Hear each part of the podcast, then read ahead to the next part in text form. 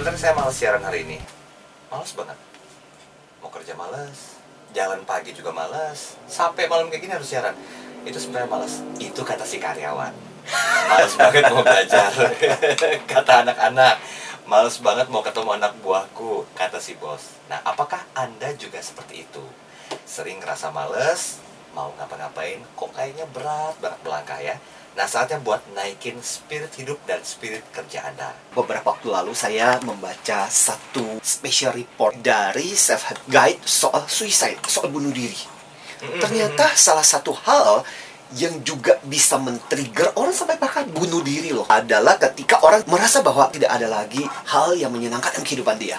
Itu yang pertama. Yang kedua adalah gimana caranya supaya lebih bersemangat. Gimana caranya supaya spiritnya lebih bagus. Gimana caranya supaya menghadapi kehidupan, tantangan, masalah, problem supaya punya spirit yang lebih tinggi. Ternyata itu sebagian besar yang diinginkan oleh para pendengar kita. By the way, yang spesial malam hari ini, Pak Antoni akan berpuisi. Ini puisi bisa kita relatekan dengan topik kita soal spirit. Spirit dalam kehidupan, spirit terutama dalam bekerja. Karena kan sebagian besar pendengar kita kan teman-teman profesional. Puisi ini nggak pernah diketahui siapa yang bikin. Judulnya adalah Temukan Cinta Anda. Bila Anda tidak mencintai pekerjaan Anda, maka cintailah orang-orang yang bekerja di sana. Rasakan kegembiraan dari pertemanan itu. Dan pekerjaan itu pun akan menjadi menggembirakan. Bila Anda tidak mencintai rekan-rekan kerja Anda, maka cintailah suasana dan gedung kantor Anda. Ini mendorong Anda untuk bergairah berangkat kerja dan melakukan tugas-tugas dengan lebih baik lagi. Bila toh Anda tidak bisa melakukannya, cintailah setiap pengalaman pulang pergi dari dan ke tempat kerja Anda. Perjalanan yang menyenangkan menjadi tujuan tampak menyenangkan juga. Namun, bila Anda tak menemukan kesenangan juga di sana, maka cintai apa pun yang bisa Anda cintai dan kerja Anda. Tanaman penghias meja, cicak yang ada di dinding, atau gumpalan awan dari balik jendela. Apa saja. Bila Anda tak menemukan yang bisa Anda cintai dari pekerjaan Anda, maka mengapa Anda berada di situ? Tak ada alasan bagi Anda untuk tetap bertahan. Cepat pergi dan carilah yang Anda cintai, lalu bekerjalah di sana. Hidup hanya sekali. Tak ada yang lebih indah selain melakukan dengan rasa cinta yang tulus dari apa yang Anda lakukan. Tapi memang itu sesuatu yang wajar sih. Artinya gini, ketika kita bekerja ada masa-masa di mana kemudian tiba-tiba tadinya awalnya begitu bersemangat apalagi baru pertama kali gabung. Makanya dikatakan karyawan baru selalu rajin. Tapi dengan berjalannya waktu kemudian kita kehilangan. Sebenarnya saya di sini ngapain sih? Apa sih yang saya cari? Maka sebenarnya itu butuh kita untuk recharge. Paling nggak menjawab pertanyaan buat diri kita sendiri sebenarnya apa yang kita kerjakan ini buat siapa sih? Apa yang kita lakukan? Kalau kita melakukan pekerjaan misalnya hanya demi motivasional intrinsik, misalnya contoh hanya sekedar katakanlah uang. Beberapa kali saya di dalam siaran ini cerita tentang yang namanya efek morfin. Kamu konsumsi, habis itu kamu akan ketagihan dan kamu butuh dosis yang lebih tinggi lagi, lebih tinggi lagi, lebih tinggi lagi dan tidak akan pernah puas. Makanya selain motivasi intrinsik seperti uang, insentif, kita perlu menemukan sisi-sisi yang lain. Kalau kita tidak menemukannya, spirit kita bisa turun dengan sendirinya. Makanya hal itu sangat penting. Karena kalau udah sampai spirit udah nggak ada, maka akhirnya kemudian kita berakhir seperti kayak zombie. Berangkat kerja, pulang kelihatan mukanya itu muka lempeng gitu. Dan melakukan aktivitas rutin, habis itu pulang dan kemudian tidur, habis itu besok mulai lagi. Dan berjalan begitu saja kan. P11 pergi pagi pulang petang penghasilan pas-pasan pinjam potong pinjaman pusing pasrah. Kata kunci kita adalah spirit. S P I R I. Dan T. Mari kita mulai dengan huruf S. Itu apa? Selami apa yang menjadi compelling reason hidup kamu. Compelling reason ini adalah alasan yang paling mendalam yang membuat kenapa kamu terus-menerus bangun pagi dan bersemangat untuk melakukan apa yang kamu ingin lakukan. Kadang-kadang compelling reason itu nggak bisa dari orang lain anak-anak nggak mau makan sayur. Kalau kamu nggak makan sayur kamu mati loh. Nggak apa-apa. Kalau kamu nggak mau makan sayur nanti kamu jerawatan. Hmm, nggak apa-apa. Kamu nggak makan sayur nanti penyakitan. Nggak apa-apa. Kalau kamu nggak makan sayur nggak dapat es krim. Oh iya iya iya iya iya. Iya jadi harus sesuai dengan logika dia. Eh, remaja disuruh olahraga. Males ah. Ih, olahraga tuh bikin kamu sehat. Enggak. Gue juga bisa sehat tanpa ini ayo kamu harus olahraga biar tubuh kamu tumbuhnya kuat dan sehat. Bu- butuh. Eh lu tau gak di tempat olahraga tuh banyak loh cewek-cewek kece di situ. Ayo, beneran. ayo, ayo. Beneran? Ya ya ya ya ya, so selami alasanmu ya membuat kamu bangun pagi. Yes gua hari ini bersemangat untuk melakukan pekerjaan gue berikutnya kita bergerak ke P.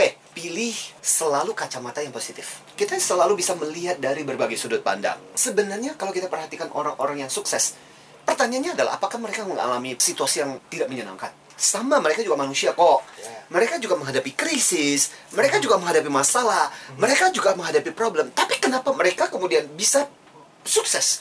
Persoalannya adalah regardless mereka menghadapi situasi yang tidak menyenangkan, tapi mereka mencoba untuk menggunakan kacamata yang positif untuk melihat situasi itu. It doesn't matter what happened to you. Is how you make out of that happen that matters. Jadi bukan apa yang terjadi pada hidupmu yang penting, tapi bagaimana kamu menyikapi dan kemudian keluar dari situasi itu. Berikutnya, I adalah imajinasikan bagaimana kamu akan melakukan sesuatu. Contoh Anda harus bikin laporan yang Anda nggak suka banget. Caranya adalah Anda duduk di depan komputer itu, Mhm. atau di depan laptop Anda, Mhm. nggak usah dikerjain dulu. Anda tutup mata sekarang, bayangkan dan imajinasikan Anda sedang mengerjakan itu. Kamu sedang mengerjakan itu, cucuk-cucuk dan mengerjain. Bayangkan aja dan dalam gambaran aja, kamu sedang mengerjakan dan melakukan itu. Dan bagaimana perasaannya dan sebagainya, rasakan, bayangan. Dan kurang lebih beberapa detik setelah itu, Anda buka mata aja. Gimana rasanya? Ternyata hasil penelitian mengatakan energi kita untuk melakukan pekerjaan itu akan jauh lebih besar. Beberapa waktu lalu, aku sempat cerita bahwa sampai ada pemulung, orang yang jualan balon, mainan anak-anak, sampai tukang cukur anakku aja, itu sampai aku terkaget-kaget dengar pada efek. Intinya adalah imajinasikan yang bagus-bagus ketika kita melakukannya. Menarik loh. Kan kata Albert Einstein, energi mengikuti imajinasi. Habis itu R, kamu harus realisasikan sesuatu. Yang menarik adalah banyak orang jadi nggak punya semangat karena cuman bayangan cuman ada di plan, plan, plan, perencanaan-perencanaan, tapi nggak merealisasikan sesuatu. Seperti efek bola salju. Kalau kita lihat film kartun bola salju, di atas kalau sebelum ada momentum sama sekali dia akan tetap seperti itu. Mungkin aja bola salju itu membayangkan aku mau menggelinding ke bawah, menggelinding ke Selama dia belum menggelinding, berarti nggak akan terjadi apa-apa. Tapi sekali dia udah mulai menggelinding dan mulai bergerak, apa yang terjadi? Makin Oh, besar. Makin besar. Makanya harus realisasikan sesuatu. Aku suka dengan istilah launching your first version, 1.0 version. Bikin launching 1.0mu, versi pertamamu. Mau nggak bagus, mau dicela, mau dikritik, terserah. Yang penting kamu udah launching duluan. Nanti kan ini bisa diperbarui. Berikutnya adalah imajinasikan bagaimana orang-orang yang kamu anggap sebagai role model itu akan melakukan. Mhm. Nah, inspirasi dapat dari mana? Ada satu buku yang menarik, judulnya ada One Minute Millionaire. Mengajarkan kita bagaimana caranya kalau kita mau jadi miliuner. Mhm. Salah satunya adalah mengkondisikan pikiran kita dengan cara ada yang dia sebut sebagai sidang para ahli. Bayangkan orang-orang yang kamu salut, orang-orang yang kamu, kamu gumi itu, bagaimana caranya mereka akan menjalani situasi kondisi saat ini. Mhm. Apakah mereka akan down? Apakah mereka akan mengeluh? Apakah mereka akan ngomel-ngomel? Kalau enggak, berarti jangan. Belajarlah untuk bersikap seperti role model kamu. Berikutnya adalah yang terakhir. Huruf T. Tanyakan hati kecilmu. Kamu udah melakukan yang terbaik belum? Ini adalah spirit continuous improvement. Belajar dari siapa? Gue kasih contoh. Charlie Chaplin. Saya aja belum lahir ketika dia berjaya-jaya. Waktu itu belum ada Masih suara. putih, Film iya, hitam iya. putih. Tapi kemudian orang pikir suaranya pasti jelek. Tapi ketika ada suara, ternyata bagus juga suaranya. Dia kan komedian, pelawak yang Mhm. banyak menggunakan slapstick. Kalau masa modern kan kita kenal Mr. Bean.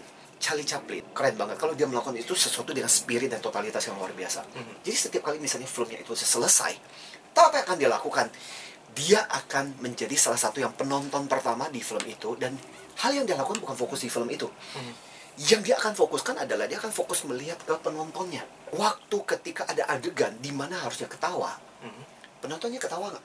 Waktu yang ternyata harusnya nggak usah ketawa, itu agak serius. Hmm. Tapi kenapa penonton ketawa? Oke, berarti penonton maunya seperti itu. Hmm. Kalau begitu lain kali kelak gue mesti bikin yang lebih banyak model-model kayak gitu. Ternyata mereka sukanya model kayak gitu. Mhm. Jadi ini juga menjadi spirit untuk terus menerus improvement. Mhm. Nah, salah satu yang membuat kita jadi nggak bersemangat adalah karena kadang-kadang kita sudah berada di comfort zone kita, berasa di puncak kesuksesan kita. Ada pertanyaan seperti ini, udah give the best belum? Belum, berarti gue harus lakukan yang terbaik lagi. Dan itu membuat kita terus menerus terpacu. Setiap hari kita bangun dan kita merasa bahwa aku harus memberikan yang terbaik.